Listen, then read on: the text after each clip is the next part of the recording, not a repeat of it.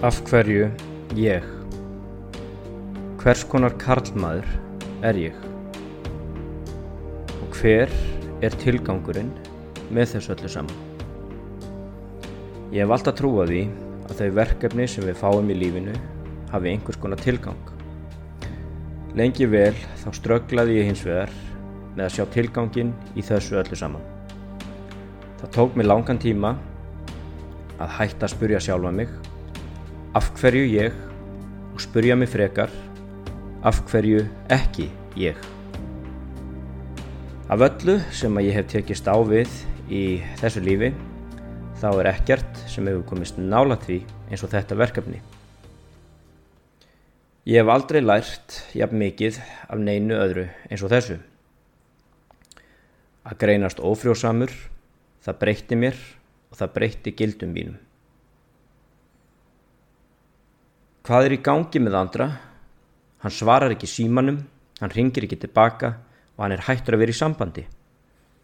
Ég get ímynda með það að þetta hefur verið eitthvað af því sem að þau sem að þekktu mig spurðu sér kannski úti á þessum tíma.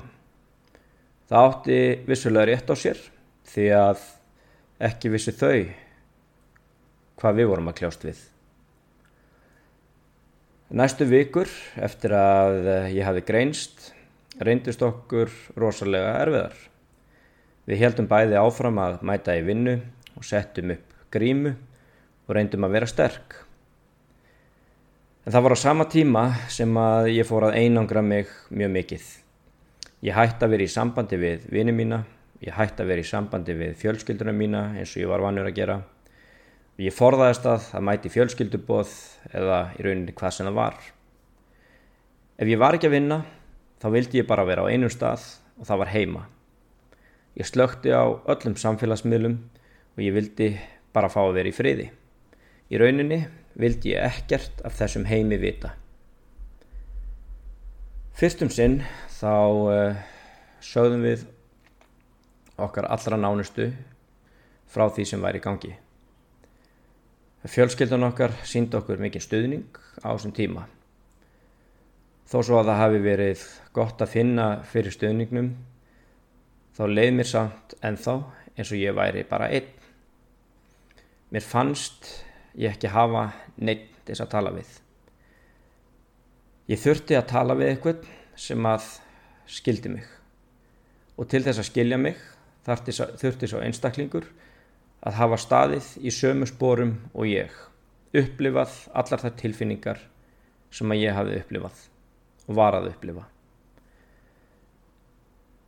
Ég veldi fyrir mér hvernig lífi geti verið svona ósangjart. Ég þekkti til tilfella þar sem að menn hefði barnað konur og uh, í rauninni ekkert vilja vitað af börnunum sínum ekki tekið neitt þátt í lífið þeirra og kosið að vera algjörlega óvirk í þeirra lífi. Á sama tíma var ég tilbúin til þess að gefa allt sem ég átti til þess að fá að vera í þeirra spórum.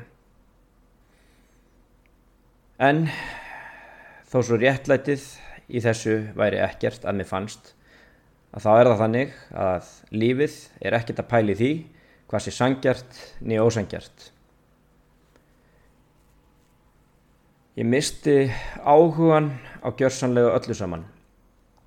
Ég sem var vanur á stundar líkansrækt nokkru snum í viku, ég hætti bara að mæta. Ég sá enga tilgangi því að vera að mæta. Og það síðasta sem ég langaði var að hitta eitthvað kunningja eða kunnulegt andlit í líkansræktastöð og reyna að halda upp einhverju smóltokki og reyna að vera með einhverja grímu framann á mér. Ég meira að misti áhugan á því að horfa á fókbaltaleiki. Það var í rauninni ekkert sem að ég hafði áhuga á. Það var eitt daginn sem ég lág upp í rúmi, ég opnaði að liggja, þar, ég opnaði að liggja upp í rúmi í svona þrjá daga samflitt. Ég var mjög langt niðri með öll enginni þunglindis og ég var að hugsa hver er reynlega tilgangurinn í því að halda áfram. Mér fannst ég vera á einhvers konar endastöð og ég sá ekki hvernig ég ætti að geta haldið áfram. En það var, eins og ég sagði áður, konunni minni að þakka að ég komst yfir þetta og við saman. Hún stóði baki á mér og hún var kletturinn sem ég svo sannlega þurfti á að halda á þessum tíma. Það tók nokkra mánuði að ég fór að ná skinsamari og einbeittari hugsun og ég fór að líta á þetta sem verkefni. Þetta var í verkefni sem að við, ég og kona mín myndum takast á við saman og ég byrjaði að hafa einhvers konar trú á því að það gæti vonandi eitthvað gott komið útrössu einn daginn.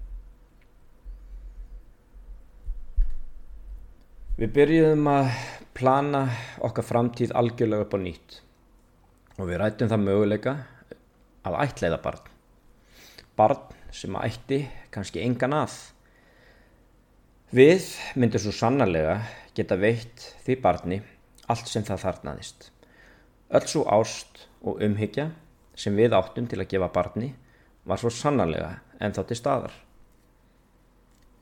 Ég hafði lært á þessum tíma að sætta mig við það að vera fadir snýst ekki bara um DNA.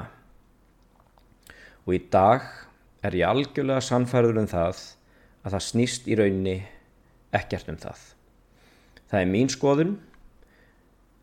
Til þess að öðlast á skoðun þurfti ég hins vegar að ganga í gegnum þennan erfiða skóla. Önnur leið fyrir okkur til að eignast barn var svo að nota gjafasæði. Fyrir mig og konunum mína þá fannst okkur það vera rétta leiðin og við völdum það fyrir okkur. Okkur langaði báðum að upplifa það að Sara erði ólétt, okkur langaði að upplifa meðgöngu og okkur langaði að upplifa fæðingu og allt það sem fylgir því að koma litlu barni í þennan heim. Fyrir okkur var þetta rétt ákverðin. Í framaldinu þá fórum við að skoða það hver kostnaðurum væri við svona meðferðir. Við höfðum auðvitað ímyndað okkur að þar væru dýrar en við vissum ekki hversu dýrar. Þegar við höfum tekið þessu ákverðum þá vorum við ákveðin í því að gera allt sem við gátum til þess að láta þennan draum rætast. Og í raun og veru var óbúslega gott að eiga aftur draum. Eitthvað sem að ég hafði ekki séð fyrir mér fyrir nokkru síðan. Við vissum vel að fjárhagslega er þetta erfitt. Við myndum þurfa að spara hverja einustu krónu sem við gátum. Við myndum hætta að fara í frí saman. Við myndum hætta að sapna okkur fyrir íbúð. Við myndum hætta að leif okkur að borða grillkjött frá kjöttkompaníunu og ná okkur í sushi. Fórnarkostnaðurinn, hann erði mikill, en við vorum svo sannarlega tilbúin til þess að leggja þetta á okkur. Við urðum einfallega trúa því á endanum myndi á endanum myndum við fá að upplifa þá indislegu tilfinningu að fá það forréttinda hlutverk að verða foreldrar. En lífið er það sem stundum gerist þegar við erum upptikinn við að gera önnu plön. Á sama tíma og við höfum tekið þessa ákverðin þá hættir Æsland Express störfum. Á einni nóttu verði ég atvinnulegs. Planið sem við höfum lagt upp með var fókið út um gluggan. Við vorum með áhyggjur að því hvaða myndi taka okkur langan tíma að sapna okkur fyrir fyrstu meðferð áður. Núna ég atvinnulegs vorum við með áhugjur af því hvernig við ætlum við reynlega að borga leigu og eiga ofan í okkur á næstu mánuði. Þetta var mikill skellur og bakslag. Mér hafði lengi dreymt um það að vinna sem flugmaður í raunin frá því að ég var bann en á þessum tíma var mér nákvæmlega sama. Því það eina sem ég langaði var að fá að verða pappi. Allt annað var algjört aukaðatriði. Það var svo stuttu eftir þetta að kötturinn okkar, Alvin, sem var barnið okkar, ef svo má segja á þessum tíma, fórnum gluggan og snýr ekki aftur heim. Nokkrum vikum setna þá fannst hann í gardinum hjá nákvæmlega okkar dáinn. Og þegar að við heldum að lífið hreinlega gæti ekki prófað okkur frekar, þá sannaðist það enn og aftur að lífið er ekkert að spá í því hvað er sangjart eða ósangjart. Tvei mánuðin síðar, tvei mánuðin síðar, þá greinist mamma mín með brjóstakrabba minn. Það fór ofbúslega mikil orka í það eitt að reyna að halda einhvers konar haus og hreinlega að drölla sér fram úr á mótnana. Ég var komin í algjört, andlegt, gjaldrótt á þessum tíma. Það leiði einhverja vikur eða svo að ég var eitt kvöldið heima að horfa fréttir. Í þessum fréttatíma var fjallað um að bygglistar hjá Art Medica eftir að komast í meðferðir væri hortnir. Ég byrði ykkur að taka eftir því að ég segi bygglistar. Ófrjóðsemi eða hversu algengt það er að, barn, að, að fólk eða pör þurfi á hjálp að halda við barnignir skýrir sér vel á því að það hafi verið bygglistar. Fréttin snýrist um það að bygglistarnir væri hornir út af því að ríkið hafi tekið það ákverðin að minka þáttökuna verulega við fyrstu meðferðir eða eitthvað slíkt. Ég man ekki nákvæmlega út á hvað fréttin var en það snýrist um það að ríkið væri að minka þáttökuna við að fólk geti farið í meðferðir. Ég ætla alls ekki að fara út inn inn á pólitík, ég hef engan áhuga á því, það er ekki ástæðan fyrir því að ég vil segja þessa sögu. En á þessum tíma, þegar við vorum búin að vera að ganga í gegnum, og ég verð bara að fá að segja það eins og það er, reynasta helviti að það vantaði mig einhverja útrás. Mér vantaði útrás fyrir öllum þeim tilfinningum sem ég var að böglast með. Ég var einfallega að springa.